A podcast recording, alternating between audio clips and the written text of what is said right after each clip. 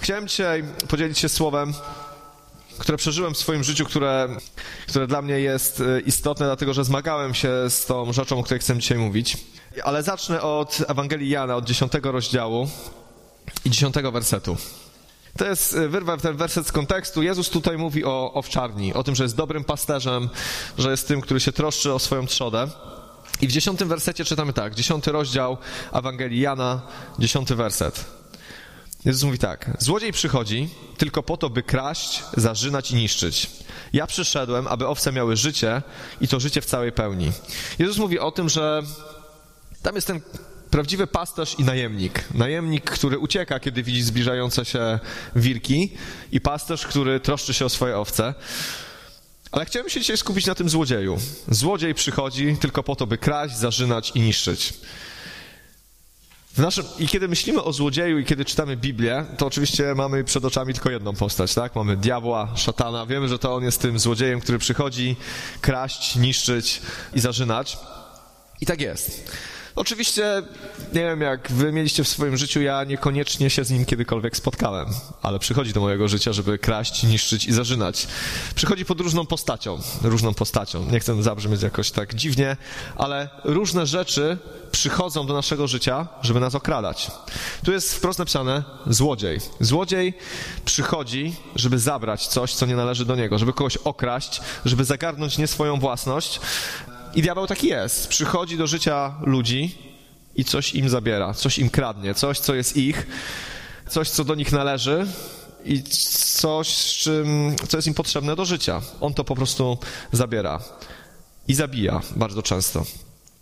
I tak jak powiedziałem, mogą być tego różne, różne przejawy. Może to różnie wyglądać. Nie patrzymy mu twarzą w twarz, nie objawia nam się, nie straszy nas przychodzi w sposób podstępny. Kiedy sobie pomyślałem o dobrym złodzieju, nie mam doświadczenia, może z filmów tylko, bo oglądałem filmy o złodziejach, ale dobry złodziej, tak na, y, na naszą zwykłą logikę. Przede wszystkim zabiera to, co do nas, co, co nie, zależy, nie należy do niego, zabiera cudzą własność po to, żeby się wzbogacić. To, co zabiera, jest bardzo często efektem ciężkiej pracy kogoś innego. Złodzieje kradną dlatego że to jest łatwiejszy sposób zarabiania, prostszy, na granicy prawa, niemoralny, ale łatwiejszy sposób wzbogacenia się, ale ktoś traci. Najczęściej kradniemy, kradniemy, złodzieje kradną coś, co należy do kogoś. Ciężki efekt czyjejś pracy. Ktoś zarabia pieniądze, po czym ktoś włamuje mu się na konto, hakuje mu konto i przelewa je do siebie. Różne są na to sposoby, ale zostaje zabrane coś bardzo ważnego. Myślę, że dobry złodziej kradnie w ten sposób, żeby, żebyśmy się jak najpóźniej połapali, że zostaliśmy okradzeni. Żebyśmy jak najpóźniej zrozumieli, że nie mamy tej gotówki, żebyśmy nie mogli go gonić. Jeżeli mamy, jeżeli nie ma takiej opcji, żebyśmy się nie dowiedzieli, że straciliśmy pieniądze na przykład albo coś cennego, to dobry złodziej zrobi to tak, żebyśmy się dowiedzieli o tym jak najpóźniej żebyśmy nie przyłapali go na gorącym uczynku, broń Boże, ale żebyśmy najlepiej po kilku dniach, może po kilku miesiącach, może po kilku godzinach zauważyli, że czegoś nie mamy, a on już jest gdzieś daleko, nieuchwytny i nie możemy, nie możemy go złapać. Jest sprytny. Nie pcha się w oczy. Myślę, że każdy dobry złodziej, nie, nie, nie czytałem żadnego porodnika dla złodziei, tylko tak sobie po prostu myślę, jak oni funkcjonują. Każdy dobry złodziej to jest taki, który nie pcha się w oczy. Nie pokazuje, że jest. Nie, nie, nie, nie pokazuje, że halo, jestem tutaj, jestem złodziejem, za chwilę cię okradnę. Robi wszystko, żeby go nie zauważyć. Jest w cieniu, niezauważony, w tle i w odpowiednim momencie, przy odpowiedniej sytuacji kradnie to, co chce, to, co chce ukraść. No i w sumie e, jedną z taką rzeczą, o której sobie pomyślałem, że takim genialną zbrodnią e, złodziejstwa jest taka kradzież, w której kradniesz coś komuś systematycznie przez długi okres czasu, tak że on nie widzi, że mu kradniesz, ale mu z konta albo z czegoś tam ubywa. Nie, nie robisz jednego wielkiego skoku na miliony, ale powoli, systematycznie przez lata komuś coś wykradasz. Masz stały dochód. Taki, jak taki kleszcz, który jeżeli dobrze się schowa, to może wysysać krew bardzo długo i nawet możemy o tym nie wiedzieć. Myślę, że to jest, y, to jest taka zbrodnia, która jest bardzo wygodna dla, dla złodzieja, przynosi mu długoterminowe korzyści, niezbyt brutalna dla osoby okradzionej, dlatego że ona często jest tego nieświadoma, ale efekt jest taki, że osoba okradziona traci coś, co do niej należy. Więc mamy złodzieja, który kradnie. W naszym życiu wygląda to podobnie. Diabeł, który przychodzi, aby kraść, zarzynać i mordować, nie jest naiwny, nie jest amatorem. Ma tysiącletnia, ponad, znaczy wielotysiąc, przepraszam, wiele, wiele tysięcy lat doświadczenia w okradaniu i w okłamywaniu ludzi. Więc jest bardzo sprytny. Jest kimś, kto robi coś tak, żebyśmy tego nie zauważyli. Okrada nas, my często o tym nie wiemy. A jak się czuje ofiara kradzieży? Tutaj może mamy większe doświadczenie. Czy kiedyś zostaliście okradzeni? Czy coś wam kiedyś zniknęło? Pieniądze, dobytek, ktoś może wam się włamał do mieszkania? Myślę, że jest kilka reakcji na, na kradzież. Jesteśmy zrozpaczeni. Zależy, co straciliśmy, ale jak straciliśmy coś cennego, coś, na co pracowaliśmy latami, albo coś, co było bardzo cenne albo sentymentalne dla nas, jesteśmy zrozpaczeni. Jest, jest załamanie, jest smutek. Mówimy, no tragedia, straciliśmy coś ważnego. Często jest zniechęcenie. Jest, jest jakieś takie podupadnięcie na duchu, takie ściągnięcie nas e, na dół, pokazanie, że straciłem coś ważnego, nic nie mogę z tym zrobić. Złodziej jest nieuchwytny, uciekł, nie dogonię go, zadzwonię na policję, nie wiem, czy to coś da, czy nie. Jesteśmy zniechęceni. Czujemy się skrzywdzeni. Dlaczego? Dlaczego ja? Dlaczego mi akurat ukradli pieniądze? Dlaczego mi ukradli samochód? Dlaczego ukradli mi coś ważnego? Jesteśmy, mamy, mamy w sobie taką gorycz i żal. Dlaczego? Dlaczego ja? Ale chyba to jest moje doświadczenie. To, co dla mnie jest najgorsze po tym, jak coś straciłem, to jest wypominanie sobie. Nie wiem, czy mieliście kiedyś coś takiego, czy coś sobie kiedykolwiek wypominaliście, ale wtedy, kiedy kładziecie, kładziecie się po takiej kradzieży wieczorem do łóżka i zastanawiacie się, co mogłem zrobić, żeby tego uniknąć? Przecież mogłem zamknąć drzwi, przecież mogłem zabezpieczyć, przecież mogłem kupić lepsze ubezpieczenie, przecież mogłem zrobić to, tamto, siamto i owamto i mogłem temu jakoś zapobiec. Wypominamy sobie.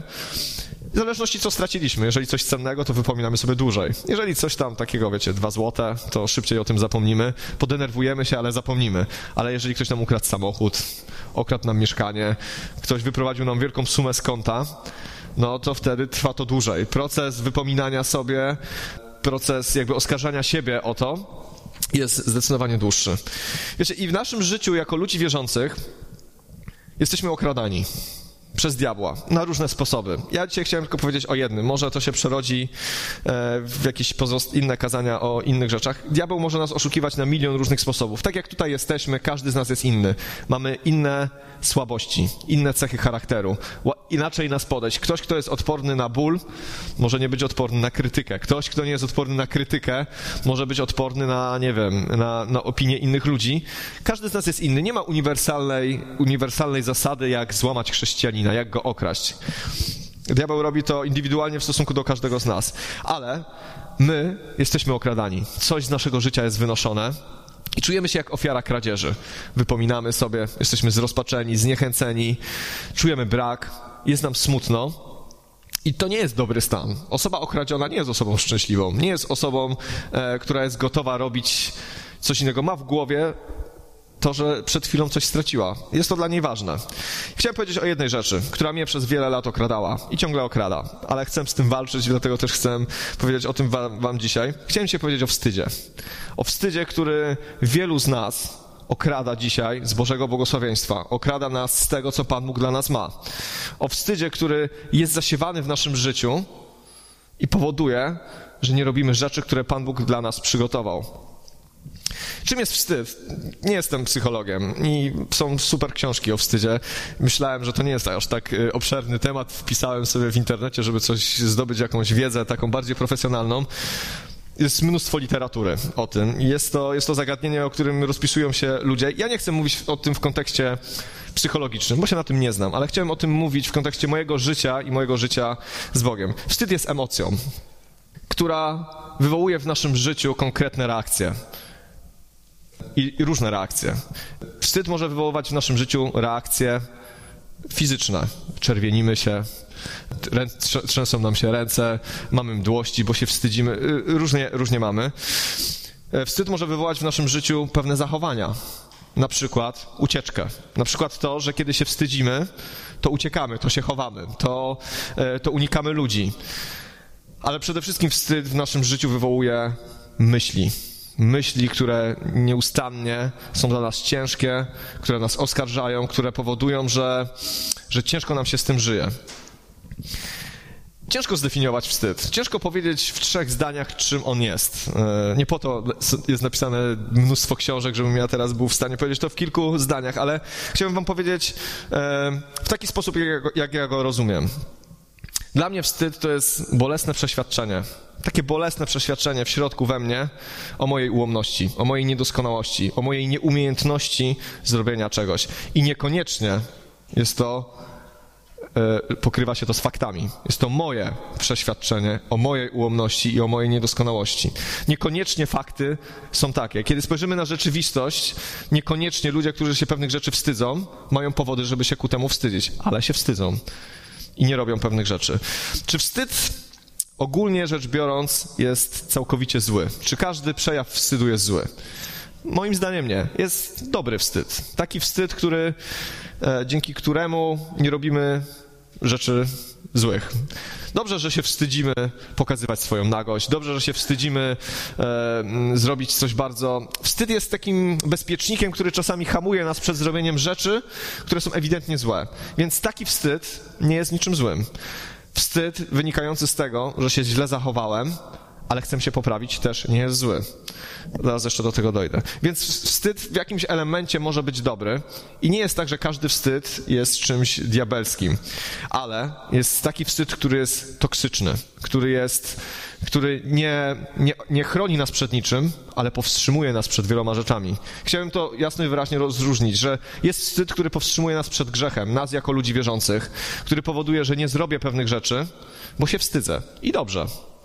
Wynosimy to z domu, mówił o tym Remek w czwartek. To jest nasze wychowanie. Mamy różne mm, nasz wstyd różnie działa w związku z, w zależności od tego, jak, jak zostaliśmy wychowani chociażby. Ale to jest wstyd, który nas przed czymś powstrzymuje. I on jest dobry. I chwała Bogu. Pan Bóg, Jezus, zawstydzał faryzeuszy. Zawstydzał ludzi, którzy, którzy pewne rzeczy robili, dlatego że ten wstyd jakoś ich nakierowywał na Boga. To jest silna emocja, z którą coś trzeba zrobić.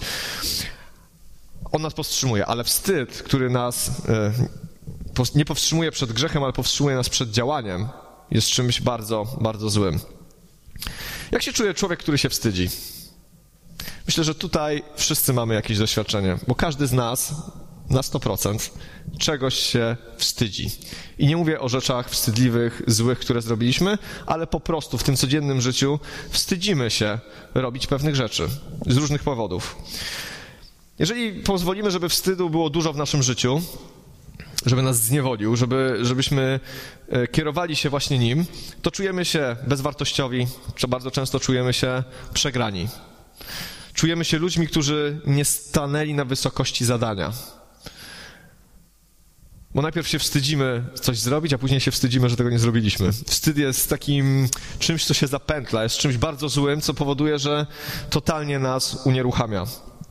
A w dalszej, w dalszej konsekwencji, jeżeli bardzo się wstydzimy, może to doprowadzić do tego, że, nie wiem, odizolujemy się od ludzi, odizolujemy się od problemów, odizolujemy się od rzeczy, które, które ten wstyd generują. Uciekamy przed wstydem jako naturalna reakcja, uciekamy przed y, wstydliwymi sytuacjami, jeżeli są to ludzie, to uciekamy od ludzi. Jeżeli, jeżeli są to jakieś problemy, to uciekamy od problemów. Jeżeli są to wyzwania, wstydzimy się podejmować wyzwania, czujemy się, że nie damy rady, to od nich uciekamy.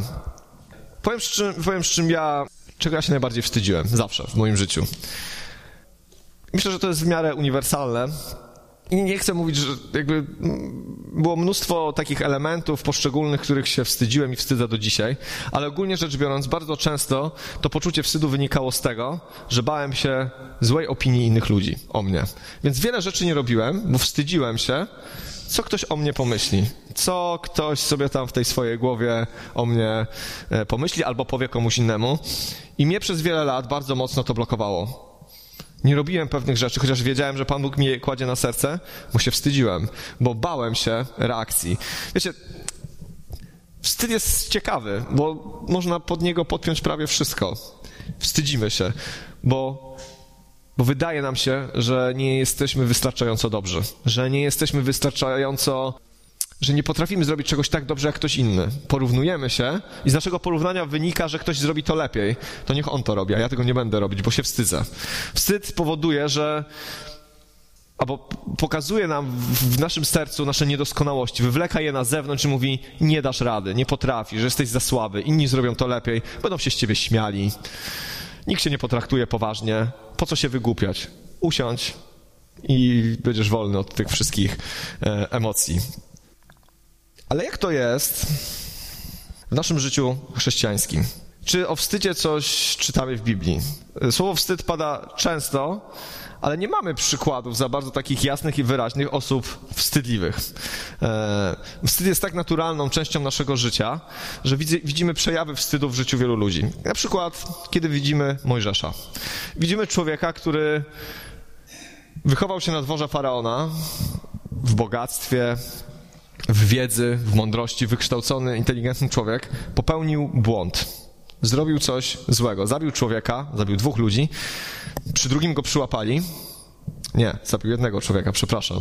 Chciał, yy, chciał pogodzić yy, pozostałych i wtedy uciekł. Popełnił błąd. Uciekł, 40 lat spędził na pustyni. I kiedy Pan Bóg go po tych 40 latach spotyka i mówi mu, Mojżeszu, mam dla ciebie misję, to Mojżesz mówi, nie umiem mówić, no nie, nie bardzo się nadaje, może ktoś inny by poszedł. Yy, i okej, okay, nie jest tam napisane, że y, Mojżesz się wstydził, ale Mojżesz przez swoje przeżycia, przez swoją porażkę, przez, przez to, co przeżył, miał poczucie, że on się do tego nie nadaje, on się wstydzi, on nie chce wracać do Egiptu. Uciekł ta, stamtąd w niesławie, nie chce tam wracać, nie zrobi tego. E, mamy Gedeona, którego Pan Bóg mówi, e, mężu waleczny. Wysy, Pan Bóg wysyła anioła do Gedeona i mówi, mężu waleczny, ty wyzwolisz e, Izrael z rąk Midianczyków. A co mówi Gedeon? Za przeproszeniem, mój panie. A kimże ja jestem? Jestem najmłodszym synem, w najbiedniejszym rodzie, w najbiedniejszym plemieniu? Chyba nie. I tam oczywiście Pan Bóg z nim rozmawia i jakby to zostaje przełamane. Ale nie chcę mówić o osobach, które się wstydziły, bo Biblia nie jest historią ludzi, którzy się wstydzili. Biblia jest historią ludzi, którzy przełamali wstyd którzy poszli za Bogiem, którzy nie pozwolili, żeby wstyd nad nimi panował. Biblia to nie jest historia ludzi, którzy się wstydzili i umarli. W Biblii czytamy o ludziach, którzy mimo tego, że się wstydzili, poszli dalej Pan Bóg ich użył w potężny sposób. Mimo tego, że mieli poczucie wstydu, niedoskonałości, niedowartościowania i tego, że jest ktoś, kto zrobi to lepiej, Pan Bóg wybrał właśnie ich i ich przez to przeprowadził. List do Tymoteusza. To jest dwa listy do, Tymusza, do Tymoteusza, jeden list do Tytusa. To są ciekawe listy, w których apostoł Paweł daje wskazówki i rady swoim dwóm uczniom, Tymoteuszowi i Tytusowi, którzy tak jak on pełnili służbę apostolską. Jeździli, zakładali kościoły, wybierali starszych i w tych listach bardzo dużo daje im wskazówek, jak powinni się zachowywać. Jeżeli czytaliście e, jakoś ostatnio albo niedawno dwa listy do Tymoteusza, to widzimy, że Paweł daje mu wiele rad takich bardzo osobistych. Na przykład, nie daj się lekceważyć z powodu swojego młodego wieku. Rozpal na sobie na nowo dar łaski. Naśladuj mnie. Daje mu takie bardzo osobiste rady, które mu mają pokazać, dowartościować i jakby wskazać Tymoteuszu, służysz Bogu, ogarnij się, będzie dobrze. I w drugim liście do Tymoteusza, w pierwszym rozdziale, siódmy i ósmy werset czytamy tak. E, drugi list do Tymoteusza, pierwszy rozdział, siódmy, ósmy werset. Bóg bowiem nie dał nam ducha lęku, lecz mocy, miłości i trzeźwego myślenia. Nie wstydź się więc świadectwa o naszym Panu. Nie wstydź się też mnie, Jego więźnia. Cierp raczej wraz ze mną dla dobrej nowiny i czyń to w mocy Boga. Tymoteusz już pełnił funkcję apostolskie. Już był wysłany. Czytamy w dziejach apostolskich, że był wysłany do Koryntu, że był wysłany do Filipi. E, apostoł Paweł używał go w swojej służbie, nadał mu pewien autorytet, ale mówi do niego już pod koniec swojego życia. I mówi mu tak, Bóg nie dał nam ducha lęku. Co to znaczy? Piszę to, odbieram to osobiście, że pisze do, do, do Tymoteusza. Wiedział, że Tymoteusz się bał, że miał jakieś rzeczy, które powodowały lęk w jego życiu. Mimo, że był chrześcijaninem i czytamy o nim w Biblii, to nawet najwięksi tytani Słowa Bożego mieli ludzkie emocje, bali się, czuli się niedowartościowani, mieli problemy, wstydzili się być może pewnych rzeczy. Bóg nie dał nam ducha lęku, lecz miłości, mocy i trzeźwego myślenia. Nie wstydź się świadectwa o naszym Panu Jezusie, nie wstydź się też mnie. To jest ciekawe, bo tu jest pokazane, że, że wstyd i strach nie są wcale od siebie tak daleko. Wstyd polega na tym, że boimy się reakcji innych ludzi, boimy się porażki, boimy się zawieść kogoś, więc nie robimy pewnych rzeczy. Jest to pewna forma lęku. Ale tutaj apostoł Paweł mówi mu wyraźnie: nie bój się, nie wstydź się czego. Przede wszystkim, myślę, że kolejność też nie jest, e, nie jest przypadkowa. Nie wstydź się świadectwa o naszym Panu Jezusie Chrystusie. Nie wstydź się świadectwa o naszym Panu Jezusie Chrystusie i nie wstydź się mnie. Pawła, który teraz siedzę w więzieniu zakuty. Nie wstydź się mnie, nie wstydź się tego, co robiłem, nie wstydź się mnie, mimo tego, że słyszysz o mnie różne rzeczy wśród ludzi, bo to tak często jest, że jak człowiek znika sprzed czyichś oczu, no to wtedy ludzie o nim zaczynają rozmawiać chętniej i otwarciej. Więc kiedy Paweł znikał z Koryntu, to zaczynali rozmawiać o Pawle. E, różne rzeczy, niekoniecznie, które były dobre. Nie wstydź się świadectwa o naszym Panu Chrystusie. W moim naszym życiu a dobrze, ja do tego jeszcze wrócę za chwileczkę. Jakie są osoby wstydliwe? Powiem, jacy my jesteśmy jako osoby wstydliwe. Poprawne i grzeczne. Osoby wstydliwe są poprawne i grzeczne. Są. E, nie można im nic zarzucić. Wstyd powoduje taką takie ułożenie pewnego rodzaju, bo e, jeżeli nie robisz rzeczy wstydliwych, no to się nie wychylasz, więc jesteś poprawny i grzeczny. I przez wiele lat mojego życia, no nie wiem, chyba ciągle, jestem poprawny i grzeczny. Ale też zauważyłem to po latach, że przez wiele lat, przez to, że byłem poprawny i grzeczny, nie mówię, że poprawność i grzeczność jest sama w sobie zła. Nie, nie chcę, żebyście mnie tak zrozumieli. Nie chcę teraz mówić, że promuję zachowania niegrzeczne i jakieś niepoprawne, ale nie wykorzystywałem e, swojego potencjału, co doprowadziło mnie w końcu, w moje życie duchowe, do letniości. Przez to, że wstydziłem się zrobić tego albo tamtego, że wstydziłem się zareagować na Boże Słowo, że wstydziłem się zareagować na Boże działanie w moim życiu, wprowadziłem swoje życie duchowe w stan poobcinania wszystkich skrajności i została mi letniość. Zostało mi czytanie Biblii, nic w tym nie ma złego, dlatego że czytam, ale już nie wystarczało mi odwagi, żeby pokonać swój wstyd, żeby zacząć ją wcielać w moje życie. Wpadłem w letniość. I przez jakiś czas w swoim życiu myślałem, że osoba wstydliwa to jest osoba pokorna. Tak jakoś mi się to w głowie połączyło, że wstyd, że taka osoba wstydliwa, cicha, tutaj grzeczna, poprawna, to jest osoba pokorna. Jest taka fajna definicja, bardzo ciekawa, bardzo ją lubię, definicja pokory, którą y, napisał C.S. Lewis. Bardzo lubię tego E, tego człowieka. On powiedział tak, że pokora to nie jest myślenie o sobie gorzej, ale to jest myślenie o sobie mniej. Wstyd powoduje, że nie myślimy o sobie mniej. Wręcz przeciwnie, myślimy o sobie więcej i gorzej najczęściej, bo wstyd powoduje, że myślimy o sobie gorzej. To nie jest tak, że kiedy myślę o sobie gorzej, że jestem kiepski, że jestem słaby, że nie daję rady, że nie zrobię tego, są inni lepsi, że to jest pokora. Nie, to nie jest pokora. To jest wstyd, który cię okrada z Bożego błogosławieństwa. Okrada cię z miejsca, w którym powinieneś być. Dwa przykłady. Wstyd myśli, jestem zły. Bo nie ukrywajmy, że w naszym życiu robimy rzeczy złe. Popełniamy błędy. Mojżesz chociażby zrobił coś, nie wiem, lekkomyślnego. No w każdym razie, no, jakby konsekwencje były złe. Myślimy o sobie źle. I wstyd każe nam myśleć, jesteś zły, nie dajesz rady, jesteś kiepski, nie potrafisz, nie wiem, grać na gitarze, powiedzmy. Ale myślę, że zdrowa pokora mówi, yy, mówi coś zupełnie innego. Mówi tak, zrobiłem coś źle, nie umiem czegoś robić dobrze, ale chcę to zrobić inaczej. Boże, jak mogę to zrobić inaczej? Wstyd kończy się na definicji tego, jak się czujemy. Jest kiepsko no to prawda. I nie, nie oszukujmy się, czasami jest kiepsko w naszym życiu, bo robimy głupoty. Ale myślę, że pokora mówi, jest kiepsko, ale Boże, co mogę zrobić, żeby to się więcej nie powtórzyło? Pokora mówi, pomóż mi mnie z tego wyprowadzić. Myślę, że wstyd jest czymś, co, co działa w zupełnie inny sposób. Wstyd się nakręca. Jakie jest najlepsze? Każda roślinka, każde zwierzę i człowiek też ma pewne specyficzne warunki, w których najlepiej mu się żyje, rośnie i wzrasta. Jakie są najlepsze warunki, żeby wstyd mógł kwitnąć? To jest pytanie, ale sam na nie odpowiem.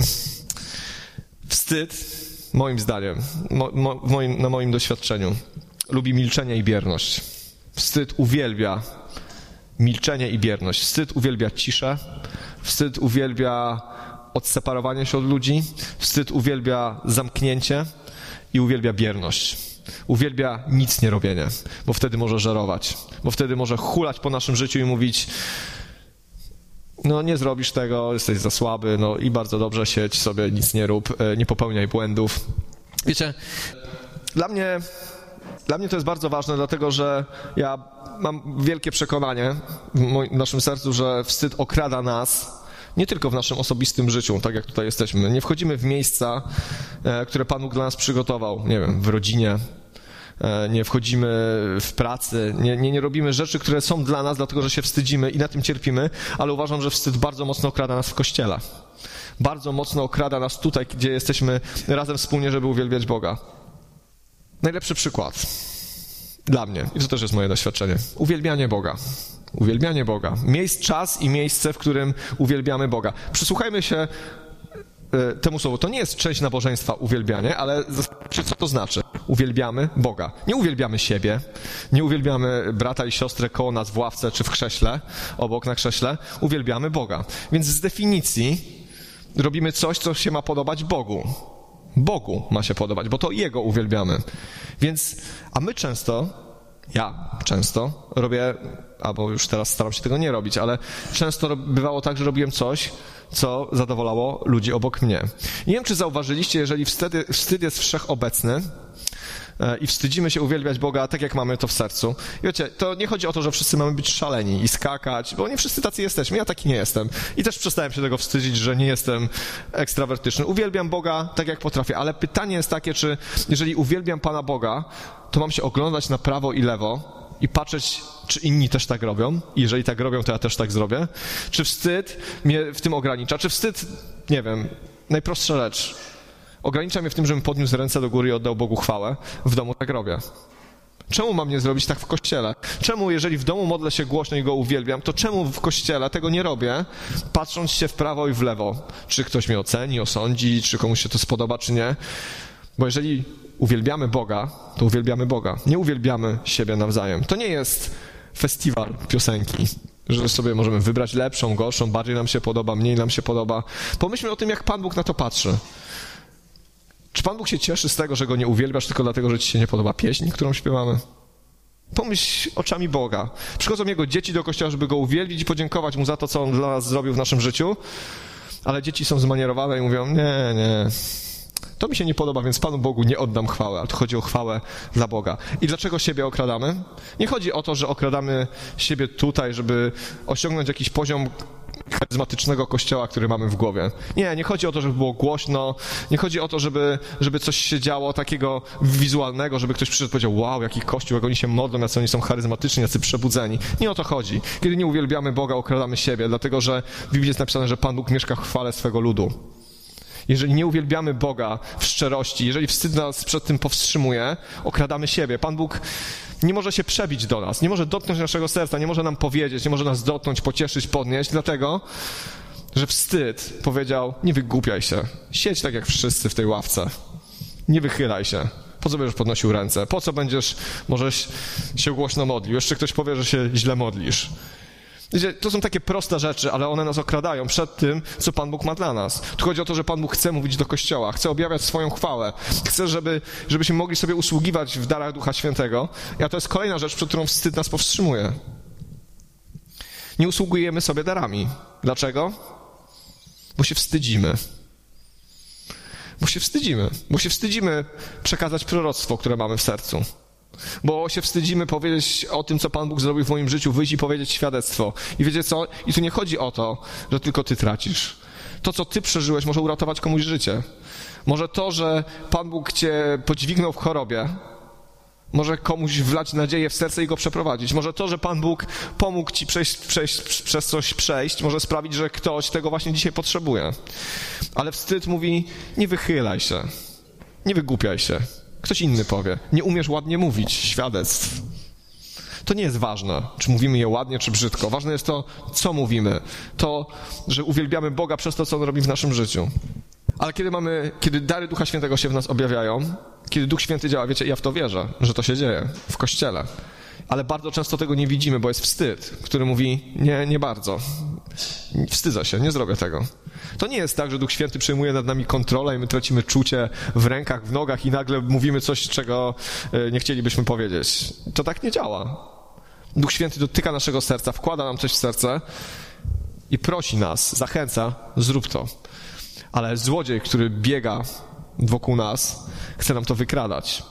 Chce, jeżeli nie może zniszczyć kościoła, bo nie może, jest napisane, że bramy piekielne go nie przemogą, to chce go chociaż deaktywować. Chce go okraść. Chce, żeby był biedny, nagi, żeby nie miał nic, co przynosi życie.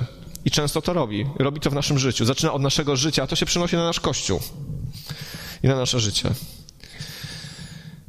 A jeżeli nie usługujemy sobie darami, jeżeli nie dzielimy się świadectwami, jeżeli nie uwielbiamy Boga, bo się wstydzimy, to nie budujemy siebie nawzajem.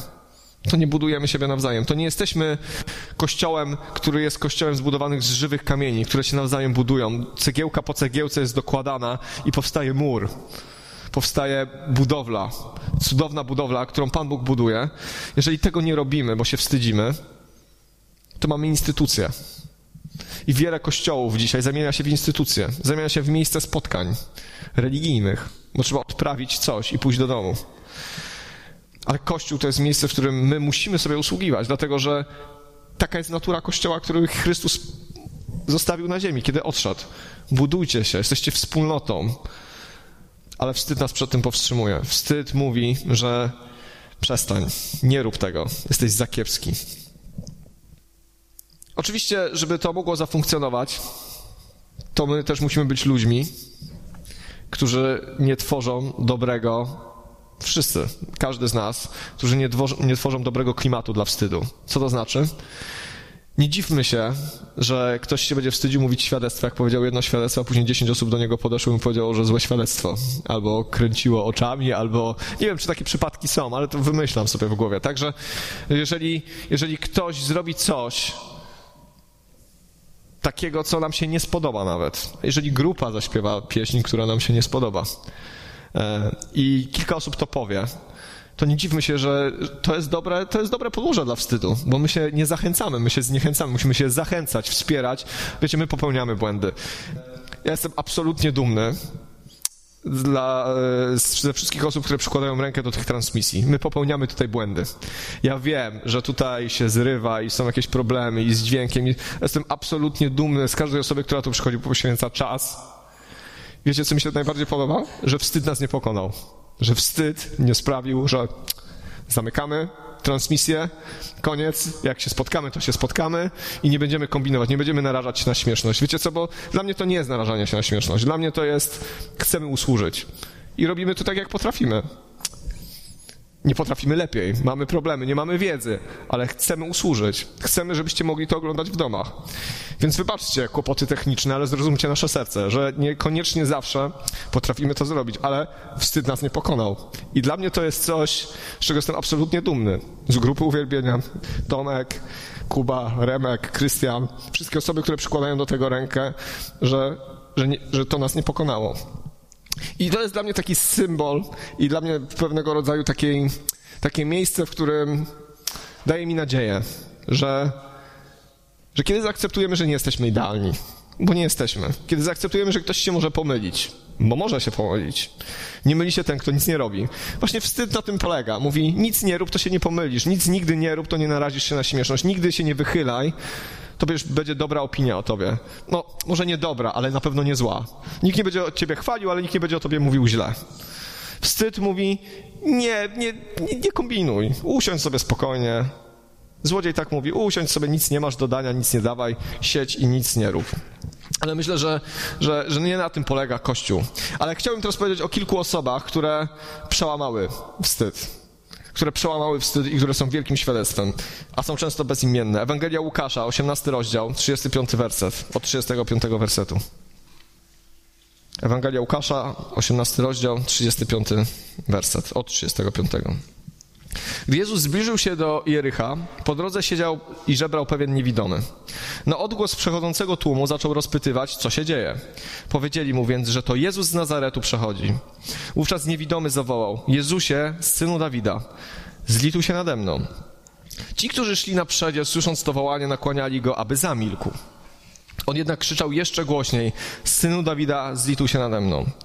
Jezus zatrzymał się tym wołaniem, polecił sprowadzić go do siebie i gdy się zbliżył, zapytał go: Co chcesz, abym ci uczynił? Panie, pragnę przejrzeć na oczy, powiedział. Przejrzyj, polecił Jezus, twoja wiara cię ocaliła. I niewidomy natychmiast odzyskał wzrok, po czym ruszył za Jezusem i chwalił Boga, a cały lud na widok tego, co się stało, oddał Bogu cześć. Osoba niewidoma. W tamtych czasach nie było większego szacunku dla ludzi niepełnosprawnych. Oni byli nieprzydatni. W czasach, w których ludzie walczyli o jedzenie, o to, żeby przeżyć tak naprawdę z dnia na dzień, bo większość ludzi tak tam żyła, osoby niepełnosprawne były ciężarem dla rodziny. Były, były kłopotem. Oczywiście ja nie mówię, że się o nich nie troszczyli, bo się troszczyli, ale to był, nie było rent, emerytur, e, wiecie, i różnych benefitów, e, znaczy różnej, różnej pomocy, które która spływała na osoby niepełnosprawne. I ten człowiek siedział na, i żebrał. Na jakim on był poziomie? Co może być bardziej upokarzającego niż żebranie o pieniądze, żeby przeżyć, żeby zjeść? Pewnie pogardzany, pewnie nie traktowany tak jak inni, pewnie nie, mia, nie, nie, nie, miano do niego wielkiego szacunku, co widać po tym fragmencie, bo kiedy zaczął krzyczeć, kiedy dowiedział się, że idzie Jezus i zaczął krzyczeć, zlituj się nade mną, ludzie mu mówili obcesowo, cicho, zamknij się, nie, nie odzywaj się, nie rób, nie rób scen. Nie ty. Ale on się nie poddał, mimo tego, że mi mówili, nie rób tego. Mówili mu, zamilknij. On wiedział, że to jest być może jedyna nadzieja i szansa, żeby wyjść z tego stanu, w którym jest. I wstyd go nie powstrzymał. I krzyczał jeszcze głośniej, Jezusie, Synu Nazareński, zlituj się nade mną. Jezus go przywołał i go uzdrowił. Mamy takich przypadków więcej. Mamy, mamy Zacheusza, który się nie wstydził jako bogaty człowiek wejść na drzewo, żeby zobaczyć Jezusa. Mamy kobietę z krwotokiem, która pomimo tego, że krwotok wykluczał ją w ogóle z obecności ludzi, nie mogła przebywać wśród ludzi według prawa, była zdesperowana i dotknęła się Jezusa i wstyd jej nie powstrzymał. Nie powstrzymał wstyd e, syrofenicjanki, która miała opętaną córkę i Jezus jej powiedział, że nie można dawać chleba, zabierać chleba dzieciom i rzucać szczeniętom. I co? Powiedziała, ale i szczenięta potrzebują zjeść chleba. I jest mnóstwo takich przykładów w Biblii ludzi, w Ewangelii szczególnie, którzy byli odrzuceni, byli na marginesie. Prostytutki, celnicy, ludzie, którzy mieli powody do wstydu, związane z ich życiem, związane z ich postępowaniem, z opinią ludzi, ale oni potrzebowali uzdrowienia, oni potrzebowali Chrystusa i wstyd ich nie powstrzymał. Wstyd ich nie powstrzymał przed tym, żeby nawet się wygłupić przy ludziach. Wiecie, dla mnie to jest bardzo, bardzo ważne, dlatego że co my chcemy w życiu? Szczęścia na pewno wszyscy chcemy, żeby było dobrze, żebyśmy mieli co jeść, żeby kryzys nas jakoś ominął być może, żebyśmy mogli po prostu czy już niektórzy myślą, że chcieli mieć dużo pieniędzy, e, żeby sobie pozwolić na to i na, na wam to. Ja nie mówię, że te wszystkie rzeczy są złe same w sobie. Ale czy te rzeczy są w stanie nas zmobilizować do tego, żeby pójść za Chrystusem w taki sposób, żeby go do niego zawołać, żeby zachowywać się jak ten bezimienny ślepiec w Jerychu? Ten człowiek był zdesperowany, bo on stracił wszystko, był nikim a mógł zyskać wszystko i to go nie powstrzymało. Wiecie, ja nie chcę mówić teraz o wstydzie w naszym życiu, w naszej pracy. Nie jestem jakimś coachem, który będzie nas, wiecie, mo mobilizował, żebyśmy byli bardziej efektywni w pracy. Nie o to mi chodzi. Chodzi mi o to, że wstyd nas często powstrzymuje przed tym, żeby stanąć w Bożym Królestwie w miejscu, w którym, w którym powinniśmy wstanąć. Że w Bożym Królestwie wstyd powoduje, że, że nie, nie robimy tego, co Pan Bóg ma dla nas ale jak bardzo jesteśmy zdesperowani, jak, jaką wartością jest dla nas Boże Królestwo, jaką wartością jest dla nas Chrystus w naszym życiu, bo poziom desperacji wpływa na to, czy jesteśmy w stanie przełamać wstyd, czy nie. Poziom tego, czy to jest dla nas ważne i istotne, spowoduje, czy się zachowamy jak, tak jak ten człowiek, czy się nie zachowamy. Jeżeli Królestwo Boże, Bóg, Chrystus, Biblia są dla nas jakieś tam w życiu, któreś, piąte, szóste, dziesiąte w kolejce, no dobra, no to nie zrobię tego, trudno, nic mi się nie stanie. No trudno, no nie podniosę rąk do góry na uwielbieniu, Pan Bóg mnie nie dotknie, no ale wrócę do mojej dobrze opłacanej pracy w poniedziałek i będzie całkiem w porządku. Możemy mieć takie myślenie. Ale jeżeli mamy myślenie, że praca pracą, pieniądze pieniędzmi, e, rozwój zawodowy rozwojem zawodowym, ale Chrystus jest dla mnie wartością, wieczność jest dla mnie wartością, to zaczynamy o to zabiegać. To nagle zaczynamy toczyć walkę z naszym wstydem, nagle zaczynamy mieć mobilizację i zaczynamy mieć bodziec w swoim życiu, który powoduje, że odważę się, zrobię to. Chcę Chrystusa, chcę więcej Jego, chcę Go uwielbić. Chcę wznieść moje ręce do góry, jako przykład podaję.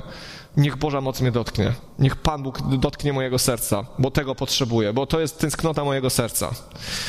Ten człowiek był zdesperowany, bo mógł odzyskać wzrok, coś czego nie miał. Czy jesteśmy zdesperowani w szukaniu Bożego Królestwa, żeby go dotknąć? Jak pokonać wstyd? Dobre pytanie.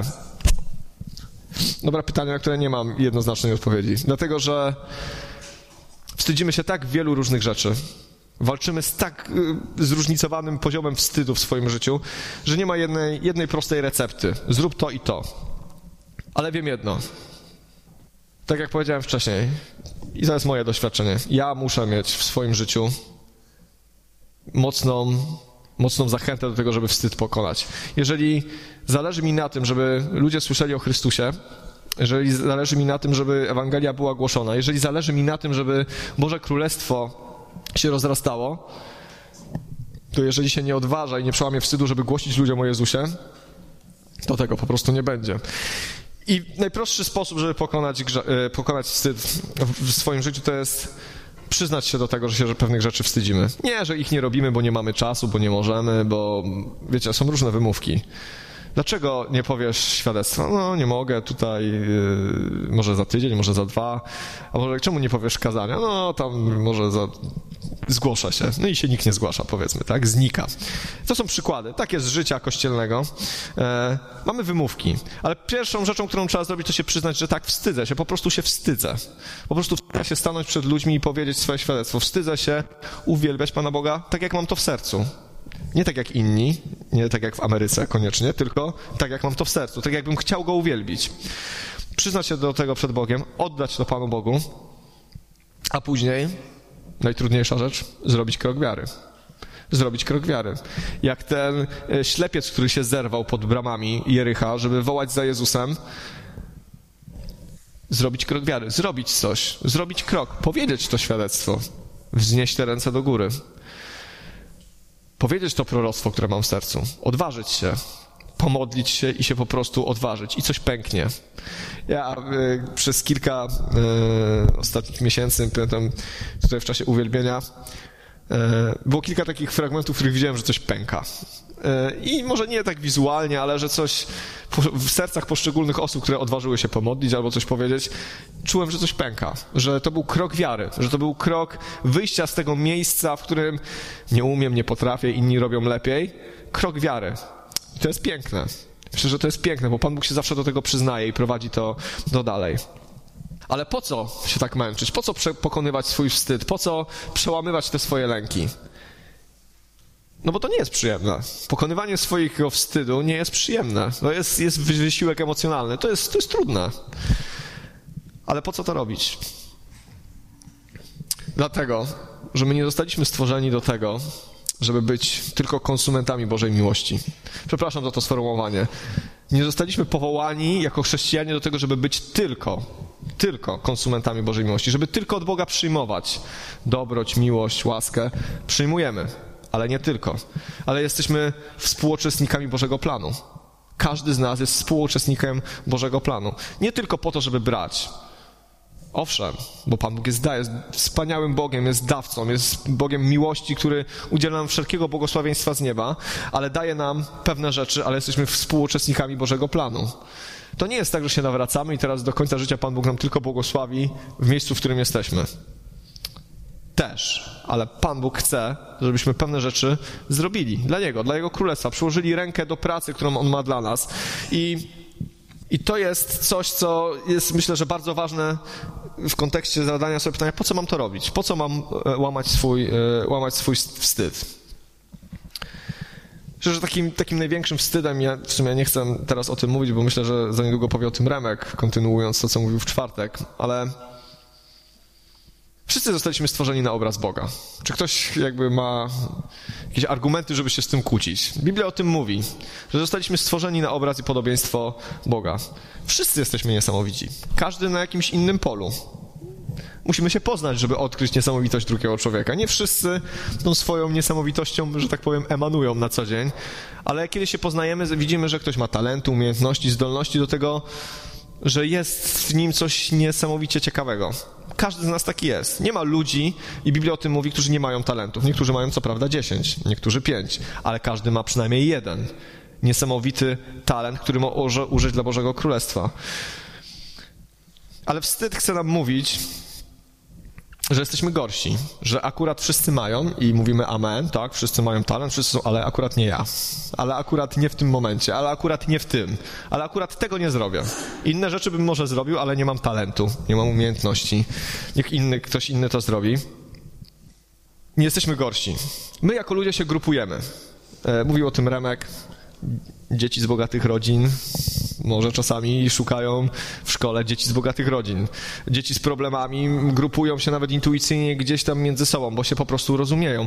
I my jako ludzie grupujemy się pod względem ta talentów i umiejętności z innymi, porównujemy się do innych. Nie zapisuję się do tej grupy usługujących. Ja to będę w tej grupie mniej usługujący, w tej grupie usługujących cicho na przykład. I chwała Bogu, to są też bardzo ważne służby, ale my jakoś siebie ustawiamy.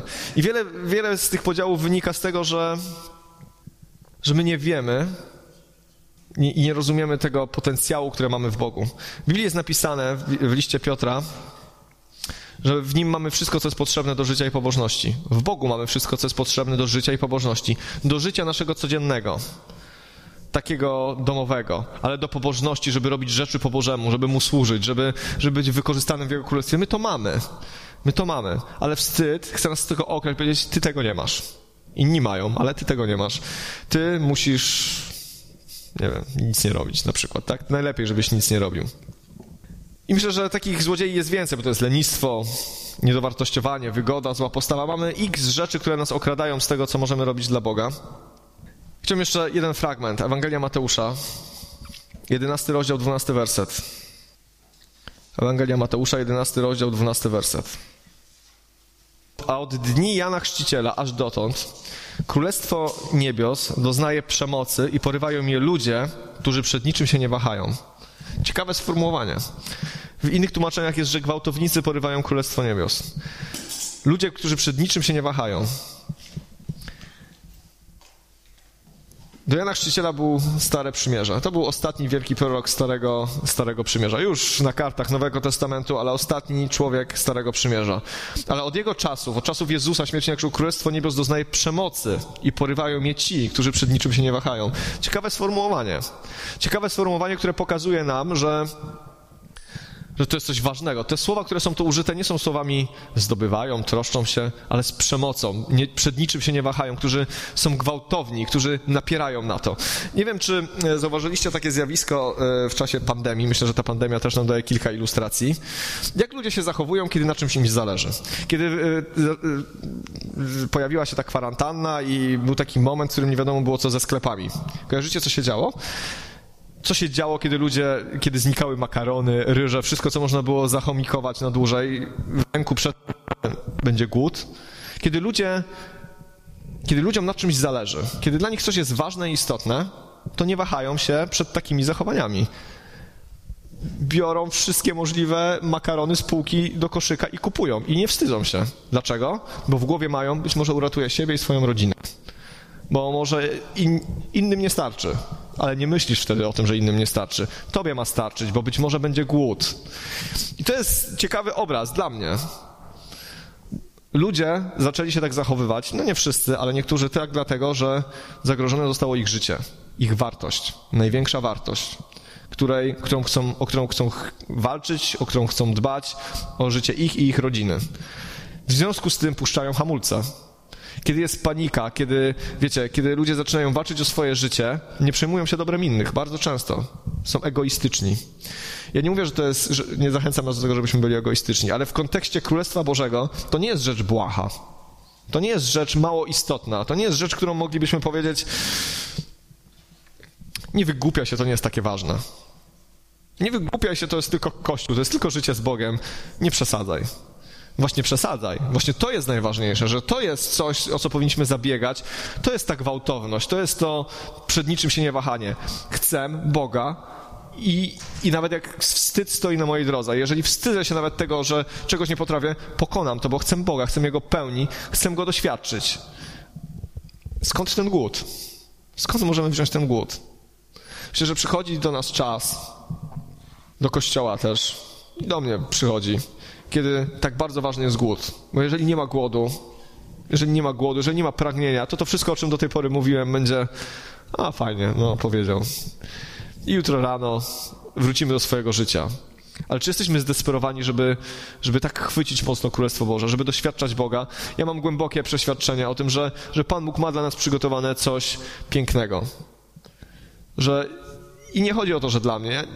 Wiecie, to pewnie trochę podpompuje moje ego, jak będziemy mieli piękne uwielbienie i wszyscy będą trzymali ręce w górę. Pewnie trochę tak. Ale nie o to chodzi. Chodzi o to, że są ludzie, którzy nie znają Chrystusa. Są ludzie, którzy idą do piekła, żyją w grzechu, są zniewoleni przez narkotyki, alkohol, pornografię, idą do piekła, a my? A my się wstydzimy. A my się wstydzimy. A nas powstrzymuje strach. My, dzieci Boże, które mają pełnię w Chrystusie, wstydzą się. Są okradzione. Siedzą w pustym mieszkaniu, bo był przed chwilą złodziej i wszystko wyniósł. A my siedzimy. Wiecie, złodziej nam kradnie, a my się modlimy, żeby to przyszło. Zamiast wygonić złodzieja, zanim przepę zamiast przepędzić złodzieja, zamknąć drzwi i nie pozwolić mu kraść dalej w naszym życiu. A do czego może doprowadzić wstyd? Bo o tym jeszcze chciałem chwilkę powiedzieć. Ewangelia, nie, przepraszam, list do Rzymian, ostatni werset, pierwszy rozdział. List do Rzymian, pierwszy rozdział, 16 i 17 werset. Apostoł Paweł pisze tak. Nie wstydzę się bowiem dobrej nowiny. Jest w niej moc Boża dla zbawienia każdego, kto wierzy. Najpierw Żyda, potem Greka. Objawia się ona, przepraszam, objawia ona sprawiedliwość Boga, pochodzącą z wiary i prowadzącą do wiary, zgodnie ze słowami. Sprawiedliwy z wiary żyć będzie. Nie wstydzę się bowiem dobrej nowiny. Bracia i siostry, mnie to, mnie to dotknęło. W pewnym, w pewnym momencie mojego życia to mnie ocknęło wręcz. Obudziło. Jeżeli wstydzę się uwielbiać Boga, jeżeli wstydzę się być przed ludźmi z kościoła sobą i naturalnym i wykorzystywać dary i talenty, które mam, jeżeli wstydzę się usługiwać jeden drugiemu, jeżeli wstydzę się różnych rzeczy, jeżeli wstyd kieruje moim życiem, to wiecie, co się stanie? Mogę w pewnym momencie wstydzić się Chrystusa. Bo to jest dopiero konfrontacja z tym światem. Powiedzenie czegoś wyraźnie albo niewyraźnie w kościele z piękniejszą składnią albo mniej piękną składnią nie jest tym kalibrem, którym mówisz ludziom w tym świecie wprost, wierzę w Chrystusa. Nie robię pewnych rzeczy, bo wierzę w Chrystusa, bo nie wstydzę się dobrej nowiny, bo nie wstydzę się tego, że cały świat może mówić, że, że Boga nie ma, ale ja wierzę, że jest, bo go doświadczam. Jeżeli wstyd, wstyd kieruje naszym życiem, to nie chodzi tylko o to, że w tych sprawach mniejszych On będzie nas okradał, będzie, ale On może o nas okraść z tego, co najważniejsze. Możemy się zaprzeć Chrystusa. Jezus powiedział w pewnym momencie, że żebyśmy się Go nie zawstydzili, bo jeżeli my się zawstydzimy Jego, to i Ojciec będzie się nas wstydził, kiedy On przyjdzie. Żebyśmy się nie zawstydzili Chrystusa. Jeżeli dzisiaj nie walczymy z grzechem, y, przepraszam, ze wstydem na, mniejszych, na mniejszym poziomie w swoim życiu, to co będzie, kiedy ktoś cię skonfrontuje z dobrą nowiną? Czy się będziesz jej wstydzić? Czy powiesz, że nie, jednak nie i uciekniesz, schowasz się, wykręcisz się? Tak się dzieje. Ja się wykręcałem. Ja się wykręcałem. Ale wiecie, powiem wam, że że przełamanie wstydu daje wolność. Wolność i takie poczucie, że, że robimy to, co Pan Bóg ma dla nas, że kiedy, kiedy, kiedy przekraczasz tą granicę wstydu, jesteś zdany na Boga. On musi zacząć działać. On się musi do tego przyznać. I to jest piękne, bo to jest wiara. Wstyd nas okrada i będzie nas okradał, i będziemy musieli z tym walczyć. Ale ja nie chcę, żeby w moim życiu osobistym i w życiu naszego Kościoła doszło do tego, że my Będziemy wstydzić się dobrej nowiny. Że będziemy się wstydzić Ewangelii. Że będziemy się wstydzić, że Chrystus za nas umarł. Że nie powiemy świadectwa, bo się wstydzę. Nie uratuję kogoś, kto idzie do piekła, bo się wstydzę. O to idzie gra. My, o nasze zbawienie, oczywiście. Każdy z nas o to się troszczy. Ale o to, że, że Kościół nie jest powołany do tego, żeby być tylko żeby głosić Chrystusa, żeby mówić ludziom dookoła. My ich nie przekonamy, my im nie wykręcimy ręki, nikt z nas nikogo nie zmieni na siłę, ale my mamy jedną prostą, jedno proste zadanie: być świadectwem i siać, głosić, nie wstydzić się, być, być odważnym i mówić, że jest ratunek, jest nadzieja. Chciałem Was do, to, do tego zachęcić. Nie wiem, jakie macie swoje kompleksy, swoje problemy, swój wstyd, co Was przygnębia. Użyłem kilku przykładów. Nie mówię o tym, że teraz wszyscy muszą mówić świadectwa. Jeżeli macie świadectwo, to to zróbcie. Chodzi mi o to, że Spytajmy się Pana Boga, tak szczerze, co ja mam robić? Co powinienem zrobić? Jak powinienem się zachować? I daj mi siłę, żebym to zrobił. Daj mi siłę i odwagę, żebym pokonał ten wstyd, żebym przestał oglądać się, co ludzie powiedzą, co pomyślą, jak się zachowają. Chcę zrobić to, co się Tobie podoba. Kiedy przychodzę do kościoła na uwielbienie, chcę zrobić to, co się Tobie podoba, bo chcę Ciebie uwielbić. Bo tu chodzi o uwielbienie Ciebie. Chcę w moim życiu uwielbić Ciebie przez to, co robię. I nie chcę się wstydzić. Nie chcę się wstydzić. Nie chcę, żeby ta prosta rzecz mnie okradała dalej. Chciałbym, żebyśmy się pomodlili. Wiem, że to są takie rzeczy, które, które w naszym życiu będą trwały i z którymi musimy się zmagać dłużej niż tylko przez pięć minut, ale wierzę, że modlitwa ma wielką moc. Wierzę, że musimy się rozstać ze wstydem w swoim życiu i w Kościele. Pan Bóg chce, żebyśmy byli wolni, żebyśmy byli sobą, żebyśmy mogli służyć sobie nawzajem. Panu Bogu na pewno nie, nie imponuje to, że jesteśmy tylko poprawni i grzeczni i nie ma ekscesów. Ale Pan Bóg chce odebrać sobie chwałę. Chce, żeby Jego dzieci go uwielbiały po prostu w radości, w szczęściu. Oddały Mu cześć i chwałę, żebyśmy mogli się budować jako Kościół, żebyśmy mogli wzrastać, żeby nasze życie każdego z nas indywidualnie wyglądało tak, jak się Bogu podoba, ale złodzieja musimy przegonić z naszego życia. Musimy mu powiedzieć nie. Musimy być świadomi i dobrze wybierać.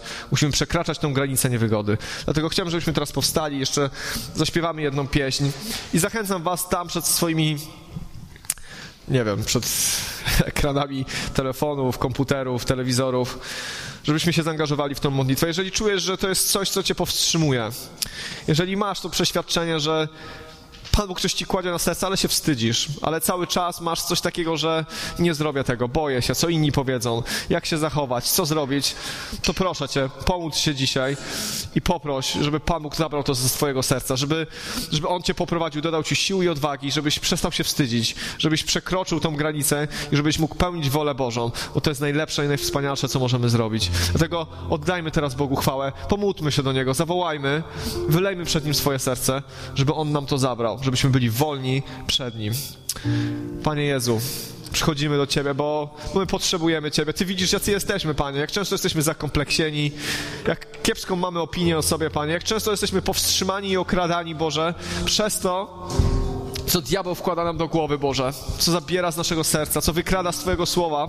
I Boże, my w imieniu Jezusa Chrystusa, Boże, ja w imieniu Jezusa Chrystusa chcę się dzisiaj przeciwstawić, Boże, wszelkiemu wstydowi, Panie. Proszę Cię o wolność, Panie, o wolność w naszym życiu, Panie, o wolność do tego, Panie, żebyśmy wykonywali Twoją wolę, żebyśmy nie bali się tego, co powiedzą inni, żebyśmy nie bali się tego, co pomyślą, ale żebyśmy się bali tego, co powiesz Ty, Panie, co pomyślisz Ty, co jest w Twoim sercu, Boże. Proszę Cię, niech wszelki wstyd, Panie, w imieniu Jezusa Chrystusa odejdzie, Panie. Niech wszelki wstyd, Panie, w uwielbianiu Ciebie, Boże, niech on zniknie, Panie. Chcemy czuć się wolni, Boże, przed Tobą. Chcemy Tobie oddawać cześć z całego serca, tak jak umiemy i potrafimy, bez skrępowania, bo chcemy uwielbić Ciebie, Jezu, bo chcemy oddać Tobie chwałę, Panie. Zabierz wszelki wstyd, Panie, który nas blokuje przed wejściem w służbę, przed wejściem w to, co Ty masz dla nas, Panie. Wszelki wstyd, który mówi, jeszcze nie teraz, jeszcze za kiepski, za słaby, nie umiem, nie potrafię. Proszę Cię, Panie, jeżeli Ty wkładasz komuś w serce powołanie, Panie, proszę Cię, niech ten wstyd, Panie, nikogo nie powstrzyma, Panie, w imieniu Jezusa Chrystusa, prosimy Cię o to. Prosimy Cię, Duchu Święty, przyjdź i zabierz wszelki wstyd. Panie, pokaż nam, kim jesteśmy w Tobie.